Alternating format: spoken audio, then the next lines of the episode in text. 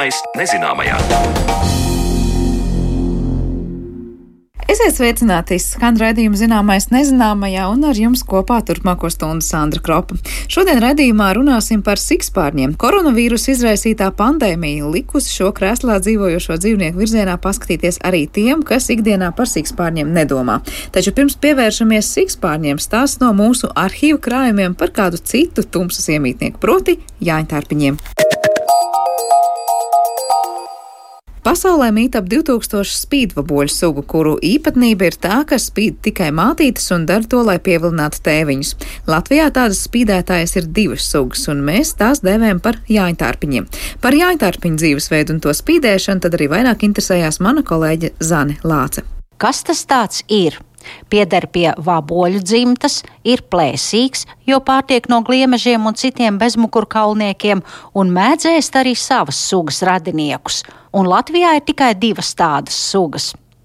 Pēc šāda apraksta reti kurš pateiks, ka tas ir Jāņtārpiņš. Tas pats, ko ap Jāņu laiku var redzēt spīdam. Kā jau minēju, mūsu platumgrādos ir sastopama tikai divu sugu jāņtārpiņi. Tas, ko visi zina, un mazais jāņtārpiņš. Tāds pats, tikai izmēros niecīgāks. Savukārt pasaulē, galvenokārt tas ir tropos, ir aptuveni 2000 sugu dažādu šo spīdekļu. Kopā ar Latvijas Universitātes bioloģijas fakultātes vadošo pētnieku, entomologu Voldemāru Spunģi, sēžam pie laboratorijas parauga - mazas, brūnas, nepievilcīgas un nepavisam nespīdošas vabolītes. Tas ir tēviņš? Jā tāds mazs, brūns, sačervelējies, nemaz neizskatās nu, pēc tā lielā zaļā spīdīgā, ko vienmēr. Viņš ir babolīte, mm -hmm. bet mīksta, tāda iegarena ir. Viņam atšķirībā no mātītes spārni. Mātīte pilnīgi nav spārnu, un uh, viņa izskatās, kā tautā saka, pēc tārpa. Mēs sakām, ka viņa izskatās pēc kāpura. Viņa ir tā spīdētāja, un viņa ir tā gaidītāja, un tēviņš ir tas meklētājs. Tad, ja es pareizi saprotu, tad mātīte ir tā kā luksafors, ieslēdz zaļo gaismu, te es esmu, un tēviņš tā kā gājējs, tagad Jā. es iešu pie tevis. Tieši tā. Un mātītes jau tādas ļoti viltīgas, viņas iztaro speciālo gaismas spektru. Mūsu jāntārpiņiem viņš ir tāds zaļganīgs, tas spektrs ir, ja? Citi antārpiņi izstaro kaut kādu citu gaismu. Viņi citas nesaka, sugas jūs domājat? Citas sugas, jā, lai viņi savā starpā atpazītu viens otru. Jūs sakāt, vabolītes. Es arī tagad skatos, nu, reku ūsas pat var redzēt. Ir. Kāpēc tautā to sauc par tārpiņu, Jāņa tārpiņu? Nosaukums ļoti precīzs, jo viss, kas ir tārpveidīgs, tie ir tārpi. Un otrais tas, kad ap Jāņiem, nu, Jāņiem tā kā cilvēki maisās pa nakti, citas naktis guļ, bet līgo naktī viss maisās, un tas ļoti labs un precīzs nosaukums. Ja. Lampīris noktiluka. Tas ir naktī spīdošā gaismiņa. Lampīris noktiluka. Otra mūsu suga ir fosfēnus. Tas, ir, tas arī spīdošais. Fosfēnus hemipterus. Hemipterus nozīmē īsie spārniņi. Tad izspārnainais spīdošais. Tad, kad es pie jums uzprasījos uz interviju un minēju, varbūt mēs varētu kaut kur iziet ārā, es tā ļoti viegli prātīgi izdomāju, bez maz vai iziesim te parkā, atradīsim jāņķārpiņus, kas satumsīs, un jūs teicāt, nē, viņus vajag parakt. Tātad jāņķārpiņi vispār ir plēsoņas, viņi uzbrūk citiem mazākiem kukaiņiem, un viņiem ļoti patīk gliemeži. Tātad gliemeži dzīvo mitrās vietās, arī tāpēc jāntārpiņas sastopam mitrās vietās. Tipiski tās ir ezermalas, slapjākas pļavas, mežmalas, nu tādas vietas, kur arī gliemeži ir. Tā gliemeži viņiem pamat barībai. Un tad jūs zinātniskiem pētījumiem, ja jums vajag iegūt jāntārpiņas, jūs ejat un rokat.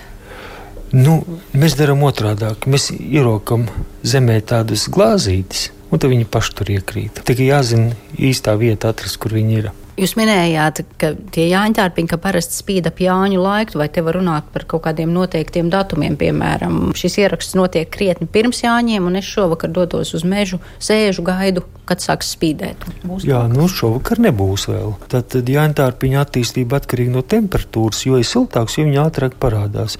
Un tā jāntārpiņa parādīšanās vienā vai otrā gadā var atšķirties krietni pa nedēļu. Piemēram, sinoptiķi sola, ka pēc trim dienām būs pāri pa 20 grādiem. Un ir ļoti silts vakars, vai tāda ir iespējams? Pēc pāris dienām vēl ne. No Ja tad nedēļa viņi- pirms jāņem apmēram tā, tad mēs varam gaidīt. Un cik ilgs tas laiks, kamēr viņi spīd?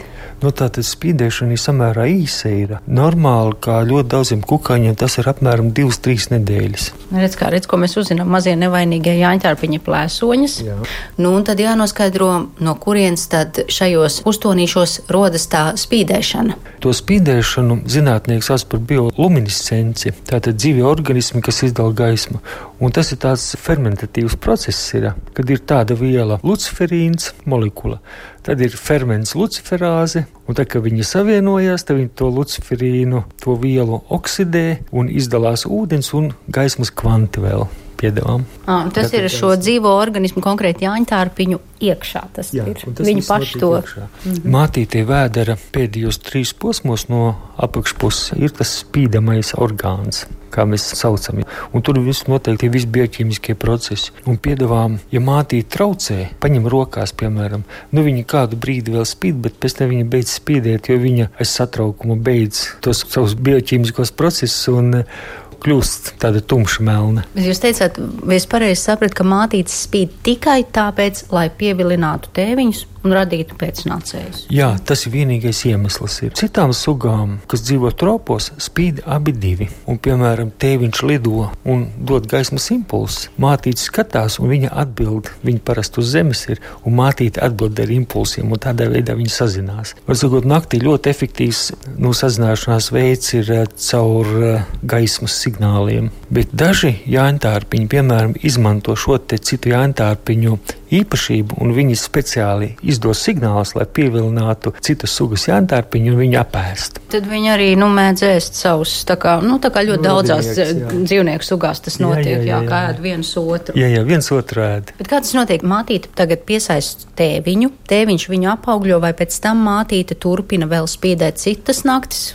Nē, tātad mātīte spīd tikai līdz apaugļošanai. Kad viņa ir dabūjusi tēviņu, tad viņai par spīdēšanu vairs nekādas domas nav. Viņai tagad doma ir baroties, nobriedināt olas un dēt drošā vietā, augsnē.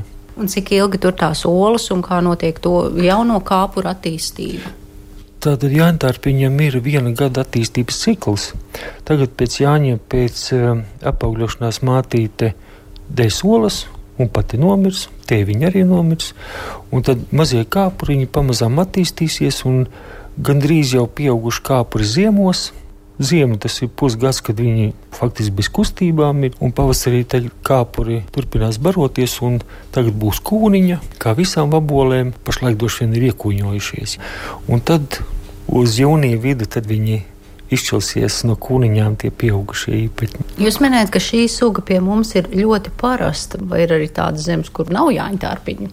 Tas tāpat kā, kad citi brauc pie mums skatīties uz stārķus, Jā. kas mums šķiet ļoti ierasts. Jāntārpiņi, protams, jo tālāk uz dienvidiem, jo, jo lielāka sugu daudzveidība, mēs esam tuvu Jāntārpiņa ziemeļu izplatības robežai, un jo tālāk uz ziemeļiem, jo mums mazāks iespējas atrast, kādi Jāntārpiņi ir. Un ziemeļu valstīs Jāntārpiņi vispār nav pazīstami. Jūs minējat, ka jāņķārpiņi mēdz ēst savus sugas brāļus, arī uzbruk liemežiem, kas ir jāņķārpiņu ienaidnieki vai kam viņi kalpo par barību. Nu, Jāntārpiņam faktiski ļoti daudz ienaidnieku ir. Lielākie ienaidnieki ir skreivabolis.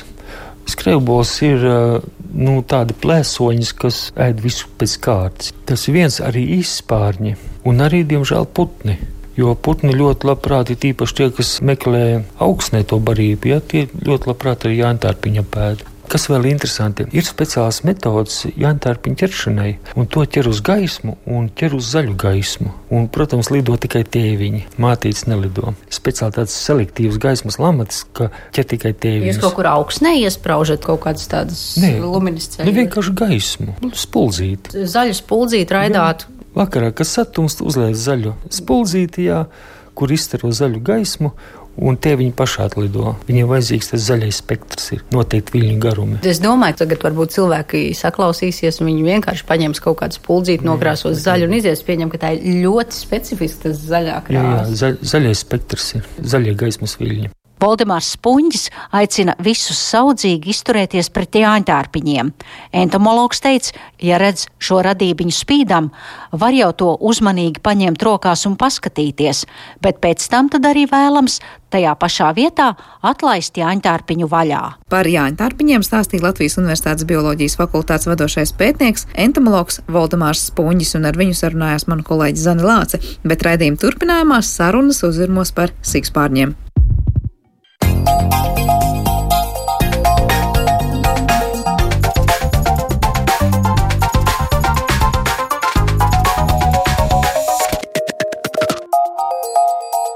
Zināmais nezināmajā.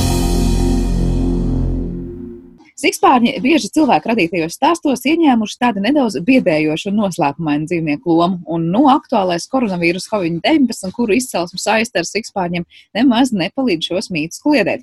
Par to, cik pamatot tādi nosacītie vainīgā meklējuma Covid-19 radīšanā apstājušies tieši pie sikspārņiem, tad mēs arī runāsim raidījuma turpinājumā, jo mūsu nosacītajā studijā ir sikspārņu eksperts un Latvijas Universitātes bioloģijas fakultātes docents, arī vadošais pētnieks Viesturs Vintulis. Labdien!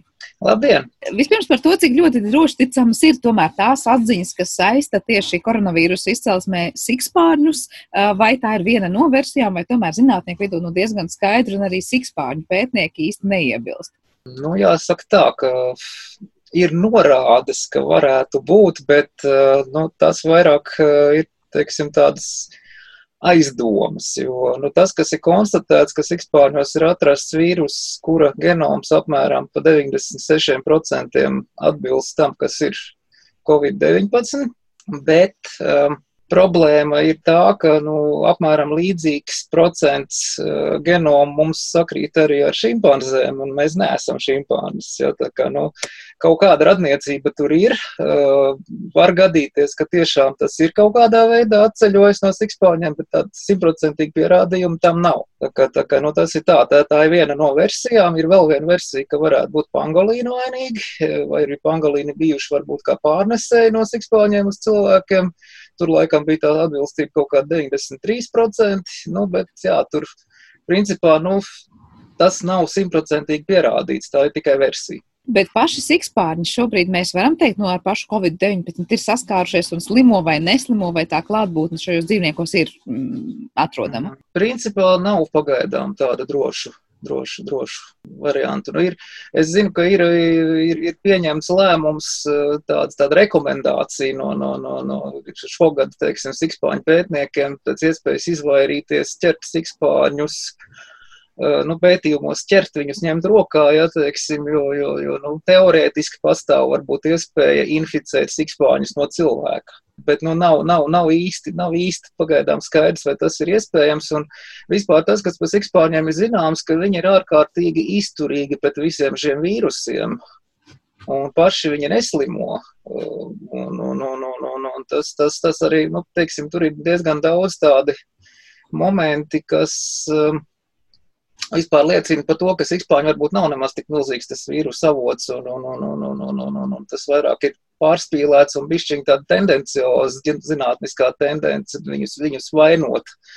Un, un, un, un, jo ir vairāki pierādījušies ar vairākiem citiem vīrusiem, kas sākotnēji arī viņus pierakstīja sikspāņiem, un pēc tam izrādījās, ka tie sikspāņi tur vispār galīgi nav vainīgi. Un, un, un, un, un, un, un, Un viņiem ir tiešām liela tā rezistence, pat ja viņiem tos vīrusus atrod, viņiem neatrod, ka viņi būtu slimojuši, vai ka viņi slimotu, vai arī ka viņi nespēja pārnest viens, viens uz otru vai citiem. Ja, teiksim, kā, nu, tur, tur ir daudz neskaidru lietu. Tā kā, tā kā tas, tas, tas, tas nav tā simtprocentīgi. Šobrīd stāsts ir par citiem koronavīrusiem, tad visiem šiem sārs, mers un tam līdzīgiem, bet vispār pilnīgi cita tipa vīrusiem jūs runājat? E, jā, tas ir lielā mērā tieši par visiem šiem, šiem, šiem vīrusiem un arī citiem. Bet, bet, bet nu, galvenokārt jau mums interesē tagad šitie aktuālie. Jā, un, un par tiem visiem ir, ir tas stāsts ir tāds, ka mērs arī sākotnēji pierakstīs ikspārņiem, beigās izrādījās, ka vainīgi ir kamieļi. Ebola arī joprojām daudz pieraksta sikspārņiem, bet simtprocentīgi pierādījumu, ka ebola būtu no sikspārņiem nav, un, un, un jo vairāk ir pierādījumi, jo vairāk parādās, ka tie sikspārņi tomēr nebūs pie vainas, un ka tur ir kaut kas cits, ko mēs nezinām. Un tur ir viena liela pro problēma, ka zinātnē, lai mūsdienās, lai publicētos, ir vajadzīgi rezultāti. Un rezultātus, lai dabūtu, teiksim, sikspāņu, tā ziņā ir ļoti pateicīga grupa, jo sikspāņus var salīdzinoši viegli dabūt rokā, viņas var dabūt rokā lielā skaitā, no viņiem var ievākt materiālu. Un pārbaudot, teiksim, nu, 100, 200, 300 sikspāņus, noteikti kaut kas atradīsies. Kaut kāds vīrus tur būs, visticamāk, ka viņi būs nonākuši kaut vai saskarē ar šo vīrusu. Kā tas vīrus tajos sikspāņos ir nonācis, vai tie sikspāņi pārnēsā, tajā brīdī nav zināms, bet publikācija ir, jo mums ir rezultāts. Tādā pašā laikā varbūt vainīgais ir kaut kāds otrs, kas tam sikspānim ir iekods, bet te nu paņem džungļos visus tos sodus, izkontrolē. Ja, teiksim, tur tas rezultāts būs nulle, un līdz ar to nebūs zinātniekam publikācija. Un tā ir tā problēma, kas, kas rada, rada šo, šo datu iztrūkumu un tendenci, tendenci nobīdīt varbūt nepareizā virzienā tos secinājumus. Ir izskanējuši arī zinātniskajās publikācijās tādi apgalvojumi, ka gan zikspārņi, gan konkrēti arī šis vīrus ir attīstījies un evolucionējis miljoniem gadu kopā, un tāpēc ļoti līdzīgi, un tāpēc savstarpēji varbūt arī tā saistība ir vērojama. Vai tur ir pamats vispār tādiem apgalvojumiem, un cik ļoti lielā mērā var izsekot, kā kurš ir attīstījies miljonu gadu laikā? Nu, viens ir skaidrs, ka šīs slimības nav nekāds jaunums un šie vīrusi. Viņi, viņi tiešām ir seni, viņi ir kopā ar dzīvniekiem bijuši ļoti sen. Tas ir pilnīgi skaidrs, jā, un tas, ka, tas, ka viņi ir tagad parādījušies, tur ir daudz, daudz tie, tie nosacījumi. Viens no tiem ir tas, ka mēs paši esam pārveidojuši vidi, un līdz ar to mēs nonākam ciešākā kontaktā ar, ar, to, kas tur dzīvo. Un otrs ir tas, ka šie daudz no šiem vīrusiem ir ļoti lokāli izplatīti bijuši visu laiku. Viņi ir bijuši ierobežotā kaut kādā teritorijā. Nu, teiksim, šis pats arī, kas mūsu tagad aktuālais vīrus, teiksim, viņš Ja viņš ir no sikspārņiem, tad viņš ir no vienas konkrētas sikspārņu sugas, eh, kas ir sastopama tikai Dienvidu-Austrumāzijā. Ja, teiksim, tā kā, nu, tur, un arī tikai ierobežotā reģionā. Tā kā, tā kā, nu, tur, tur, tā, līdz ar to šīs, šī, šie vīrusi vienkārši līdz šim nav bijuši zināmi, tāpēc ka viņi vienkārši nav atrasti. Bet nu, reāli viņi ir ļoti sen, viņi nav nekāds jaunums. Runājot arī par, par jūs tikko piesaucāt to, ka tā ir viena konkrētā suga, nu cik plaša vispār, ja mēs runājam, tā sikspārņu pasauli ir, un tā, tā viena suga ir viena no tiešām ļoti, ļoti, ļoti, ļoti daudzām. Un iznoši mazs procents ir tas, kas vispār var būt saistīts ar šādiem slimībām. Vai tomēr tajā, ja reiz viena suga slimo, tad arī pārējās itin drīz? Mm, nē, vispār daudz, daudz šie, šie sikspāņiem saistītie vīrusi, viņi ir vai nu sugas specifiski vai ģints specifiski, nu, ka principā viņi arī ir, nav, nav tā, ka viņi būs visiem sikspāņiem, pilnīgi noteikti nē. Sikspāņi tiešām ir ļoti daudz pasaulē, tā ir otrā lielākā zīdītāja kārta pēc grauzējiem. Šobrīd, cik es skatījos pēdējos kaut kādus skaitļus, jau ir kaut kāds 1400 sugas zināms. Sikspāņi, viņi ir izplatīti visur izņemot mm, augstos reģionus, nu, tātad Antarktīdā viņi nav, viņi nav, nav mazākā skaitā, viņi ir kaut kur aiz polārā loka, bet visur citur viņi ir. Un, un, un, un jo, jo vairāk siltās zemēs, jo vairāk sugu, līdz ar to tur arī nu, lielākas iespējas, ka kaut kas varētu būt viņos arī kaut kādi vīrusi. Nu, un tropos mēs arī zinām, kas notiek šobrīd, ka tropi, tropi tiek ļoti eksploatēti.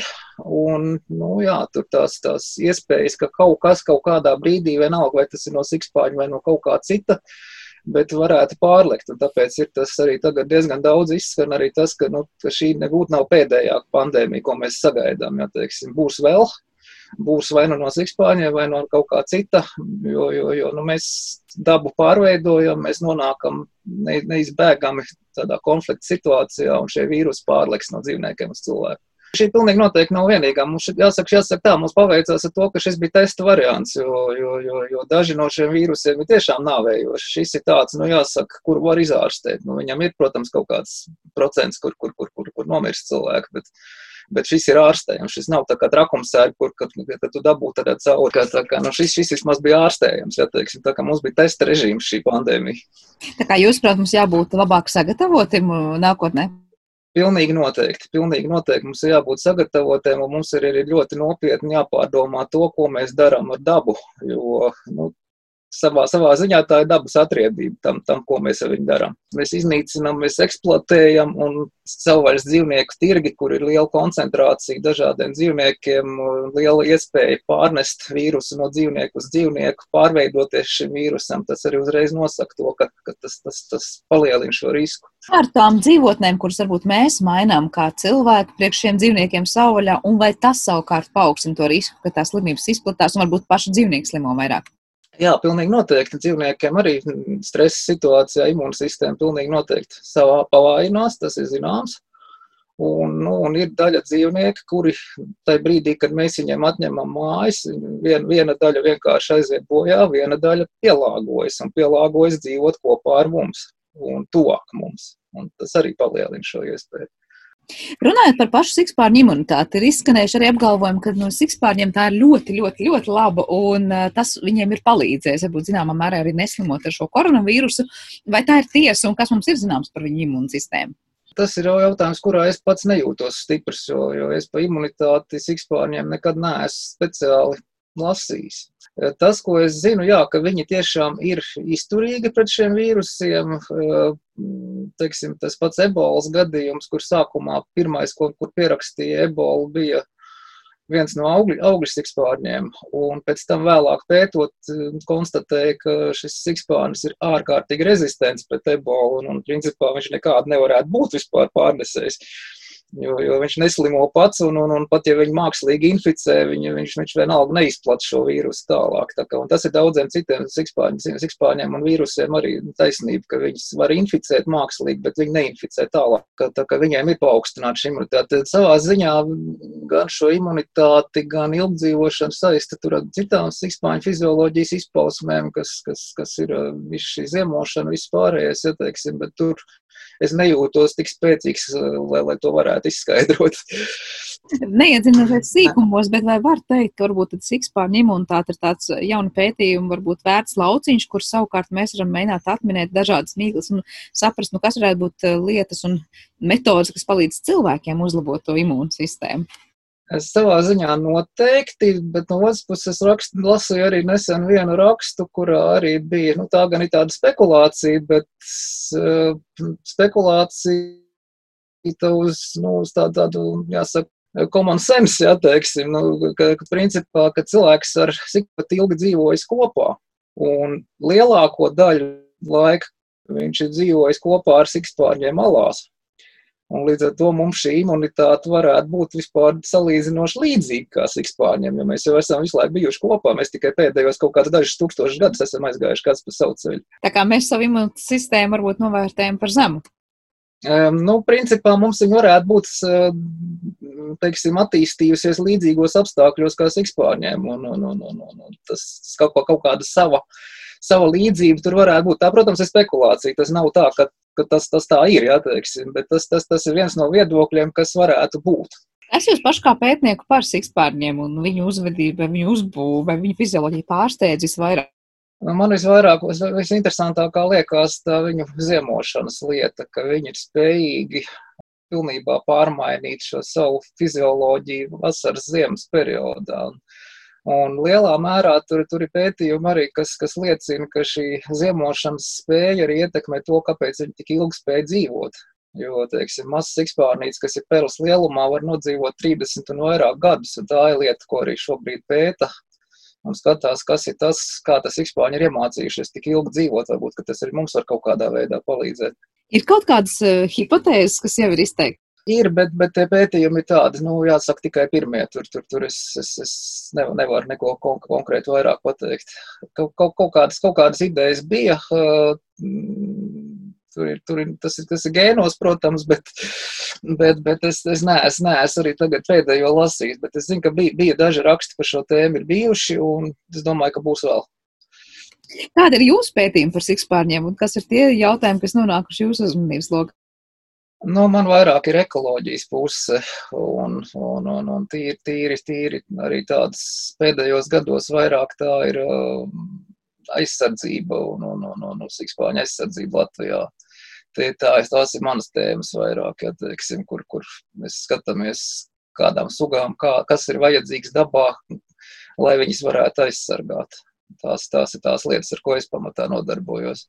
Tā nav tāda lielā zinātne, ja, teiksim, kur, kur, kur pēta kaut kādu fundamentālu kaut ko, tas ir vairāk praktiskā zinātne, ja, teiksim, kur ir kas ir jādara, lai, lai notiktu tās, ja, teiksim, lai sikspārņiem būtu labi, lai viņi ar mums būtu kopā, lai mēs viņus neiznīcinātu.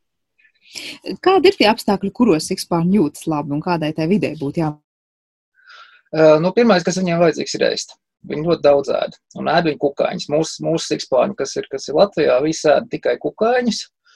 Un viņiem vajag tiešām ļoti daudz šos kukaiņus, jo vienas nakts laikā viņš apēd apmēram trešo daļu no savas svara. Nu, teiksim, ja viņš pārtiek no kaut kādiem odiem, tad tie ir daudz, daudz simti odu vienā naktī.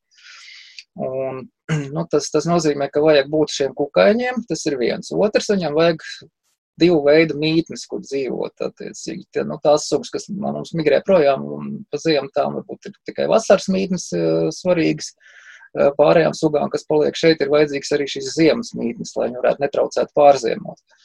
Nu, tās ir tās trīs. Tad, tad, nu, tad, tad, tad, un, un tad vēl trešā lieta, kas ir, kas ir, kas ir ka ir vajadzīgs, lai viņiem būtu iespēja brīvi pārvietoties no tām vietām, kur viņi dzīvo, uz tām vietām, kur viņi barojās, jo viņi ir lidojoši dzīvnieki, un viņi, tas nav tā, ka, ka cilvēki iedomājās, ka viņam pie mājas sikspāns naktī lidinās, nu, tad viņš te mājā kaut kur dzīvo vai pie mājas.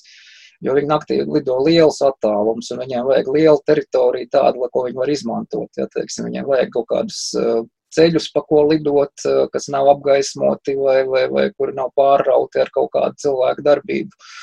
Un, un, un tās ir tās trīs lietas, kas ir svarīgas sikspāņiem. Tātad mītnes, barība kur baroties, un eh, tā teikt, ainava, kurā viņi var brīvi pārvietoties. Ja, teiksim, tās, tās, tās trīs pamatlietas, kas sikspāņiem nepieciešamas. Bet kāpēc viņi nebarojas tuvu tai mītnē? Vienkārši viņiem nepietiek, un tāpēc viņi ir spiesti doties tālāk, vai tur ir kādi citiem? Visbiežāk tas tā arī ir, ka viņiem neizdodas atrast labu vietu, kur dzīvot tieši tajā vietā, kur viņiem ir ko ēst. Tas ir viens. Un otrs arī tas, ka kukaiņu daudzums arī vasaras laikā visur nav vienāds. Viņš mainās. Teiksim, ir, ir, ir, ir, ir gadījumi, nu, ir, ir teiksim, vienā mēnesī vai vienā kaut kādā dekādē kukaiņi ir vairāk mežos, citā laikā tā tie kukaiņi, kas viņam ir vajadzīgi, ir vairāk kaut kur uz ūdeņiem. Un līdz ar to viņam jāpārslēdzās uz tām vietām, kur ir vairāk ko ēst. Un teiksim, ja viņam ir mazuļi maz, tad, tad pārnest tos mazuļus vēl uz citu mītni, pat ja viņam tur ir pieejama tāda mītne, varētu būt sarežģīta arī sevišķi, mazuļi jau ir paaugušies. Viņi, viņi bieži vien tāpēc lido arī šos lielākos attālumus, jo viņam ir izdevīgāk nolidot varbūt lielāku attālumu, bet uz vietu, kur tiešām ir daudz kukaiņu, kur viņš var ātri un sekmīgi paēst. Bet tas droši vien pie nostājuma, ka viņam jau ir uzkrāts rezerves un labi pāēsts, ja tā var teikt, lai tos attālumus pārvarētu. Nu, teiksim tā, nu, viņš nedrīkst būt tik novārds, lai viņš nespētu aizlidot, jo nu, lidošana ir diezgan, diezgan enerģētiski dārgs prieks. Bet tā kā no otras puses uzkrāt liels rezerves, viņi arī nevar. Viņi to var atļauties tikai, nu, faktiski uz ziemu un arī, arī tikai ierobežotā daudzumā, jo, jo vairāk viņš apēd, jo viņš ir neveiklāks lidotājs un viņš vairāk ir uzkrājis tās tauku rezerves. Un tur, tur ir zinām, zinām tāds līdzsvars attiecīgi, cik viņš var, cik viņš nevar. Viņš nedrīkst pa maz, bet viņš nedrīkst arī pa daudz. Cik vispār sikspārns ir tāds piemēroties spējīgs apstākļiem un vidas izmaiņām? Vai tas ir tāds lēns pārmaiņu, var teikt, dzīvnieks, vai tomēr, ja notiek izmaiņas vidē, tad diezgan ātri sikspārns būs jau citā teritorijā un arī, ja vajadzēs, tad pamainīs ēdienu kārtu? Tas ir ļoti no sugas atkarīgs, jo, jo sikspārni ir ļoti daudzveidīgi arī. Un ir sugas, kas tiešām ātri pielāgojas, un nu, kas, kas arī var dzīvot diezgan dažādos apstākļos. No mūsu sikspārņiem uzreiz nāk prātā ziemeļsikspārnis, kas ir mums viena no parastākajām sugām, kurš tiešām arī labi, viņš, viņš var baroties praktiski jebkurā biotopā, jebkurā vietā, un, un arī, ja viņam izmainās apstākļi mītnes vietā, viņš bieži vien viņus akceptē un, un, un neko īpaši nereaģē. Un ir arī sugas, kas ir ļoti jūtīgas, kurām, kurām ir problēmas. Ja, teiksim, tajā brīdī, kad teiksim, nocērt kaut kādu mežu, nu, viņam tur vairs nav ko darīt. Un otrādi, teiksim, tur, vai teiksim, ka mītne, mītne tiek iztraucēta, teiksim, tiek veikts remonts vēkā, kur, kur viņi dzīvo, ja, teiksim, viņš tur pēc tam vairs neatgriežas. Ka, nu, tas atkarīgs no sugas. Ir. Tur ir dažādi, dažādi varianti iespējami. Bet, principā, sekspāņiem ir zināmas pielāgošanās spējas, un nu, lielā mērā tieši tāpēc viņi arī ar mums dzīvo kopā bieži vien, jo viņi spēj pielāgoties mūsu darbībai. Varbūt ne, varbūt ne, ne, ne tādiem ļoti radikāliem variantiem, no radikālām pārmaiņām, bet, bet tādām pakāpeniskām viņi pielāgojas. Jūs pieminējāt arī to barības bāzi. Tad, protams, kukaiņi varam iedomāties, ja nav mums sikspārni, tad cik daudz mums apkārt ir dažādu citu kukaiņu. Savukārt, bieži saka, jums arī tie kukaiņi ir tik ļoti, ļoti svarīgi apkārtējā vidē. Kā jūs raksturot, nu, kāds ir tas viņu uzdevums vai vieta vispār ekosistēmā? Ko šie sikspāļi mums palīdz, var teikt, uzturēt apkārtējā vidē un no kā varbūt pasargā? Un kas notiek tad, ja mums sikspāļi kļūst par mani? Uh, nu, kas attiecas uz mūsu sikspārņiem, um, tieši Latvijas sikspārņiem. Viņi ir kukaiņēdāji, kā jau es teicu, un viņi tiešām ierobežo ļoti lielu daudzumu kukaiņu. Ja, teiksim, nu, tas, ko mēs nejūtam, bet ko viņi katru gadu vasarā izdara, viņi apēd ļoti daudz dažādu. Arī tādu kukaiņu, kas mums traucē. Ja, teiksim, nu, tas ir sākot ar dažādiem mežu, mežu un lauksaimniecības kaitēkļiem, saucamajiem, uh, Un beidzot ar tiem pašiem modiem, kaut gan, nu, jāsaka, tos, tos dzēlēju odus, kas mums kož, viņi ēd mazāk, tāpēc, ka viņi parasti nav tik daudz viņiem, lai, lai būtu sikspānim izdevīgi viņus ķert. Bet, nu, fakts ir tāds, jā, ka ir, ir, ir šo tur parēķināts arī, kur uh, sikspāņi, cik, cik ietaupa uz, uh, teiksim, naudu, ja to izteiktu pest, nu, tajā, tajā, tajā, cik būtu jāiztērē uz pesticīdiem, lai to pašu kukaiņu daudzumu apindētu, ja teiksim, tie, tie ir daudz miljoni. Tas, tas, tas, tas, tas, nav, tā, tas nav maz. Vai kaut kādā mērā slimību, nu, es nerunāju šeit par koronavīrusiem vairāk, bet citu slimību izplatību mēs varam saistīt arī ar sikspārņu būšanu dabā un dzīvošanu līdzās cilvēkiem? Uh, ar citām slimībām, vismaz mūsu sikspārņiem, pagaidām noteikti nav nekas tāds bijis atrasts. Nu, viņiem ir, protams, trakumsēga, bet, uh, lai dabūtu no sikspārņa trakumsēgu, viņš ir jāņem rokā. Un tam sikspānim tiešām tad jāiekož jau, un, un, un tas ir, tas ir, tas ir ļoti reti gadījumi, ja teiksim. Pirmkārt, viņiem pašiem jau nav daudz tāds akums trakumsēgu populācijā, viņi diezgan reti tomēr. Un, Un otrs ir tas arī, jā, ka, ka nu, lai, lai, lai, lai dabūtu cilvēks to, to sikspāņu trakumu sēkt, viņam tas, tas, tas sikspāņu tiešām ir speciāli jāņem rokā, lai, lai, lai, lai, lai, lai dabūtu. Nu, tas, tas vairāk, teiksim, mums pētniekiem būtu, būtu apdraudējums nekā, nekā citiem cilvēkiem. Tā kā es no jums saprotu. Par citām slimībām nē, un, un, un, tur, un savukārt citur, citur ir, ir, ir, ir dažas slimības, kas var skart, ne slimības, bet um, ir daži parazīti, kas ir kopīgi sikspārņiem un cilvēkam. Eiropā mums nav tāda, bet Amerikā ir vien blakts, ko, ko sikspārņi pārnēsā, kas arī cilvēkiem kož. Tā kā vairāk, es saprotu, mums no sikspārņiem nav, ir, ir vairāk laba, ko ņemt, nekā par ko satraukties. Nu, pilnīgi noteikti. Pilnīgi noteikti tā, jo, jo, jo, jo, jo, jo nu, kā jau es teicu, ar visām arī šīm slimībām, jā, teiksim, nu, viņas dabūt no sikspāņa nav nemaz tik vienkārši, un, un vairāki gadījumi ir apstiprinājušies, ka sikspāņi tiek vainoti nepatiesi. Bet īstenībā viņi, no viņiem ir daudz vairāk labumu. Nu, tropos viņi arī piedalās, teiksim, bet nu, augļēdāji sikspāņi sevišķi viņi piedalās pēc tropu meža izplatīšanas, viņi izplata sēklas augļiem. Uh, viņa apoteksnē augus. Ja, teiksim, tā, tur, ir, tur, ir, tur, ir, tur ir vēl cits, cits labums arī no sikspāņiem. Vai jūs paredzat, jā, vai jūs paredzat to, ka nu, viss tā, var teikt, sliktā slava, kas varbūt tiek izplatīta šobrīd saistībā arī ar Covid-19 uz sikspārņiem, nāk šai sugai vispār, eh, vispār šiem dzīvniekiem par sliktu. Proti, ka cilvēku apziņā varbūt viņi vairāk iemājos kā vēl jau vairāk sliktie tēli un varbūt tiks iznīcināts viņu dzīvotnes vai nu kaut kāda citāda reakcija, nu, arī citās valstīs, vairāk tomēr pasaulē kopumā.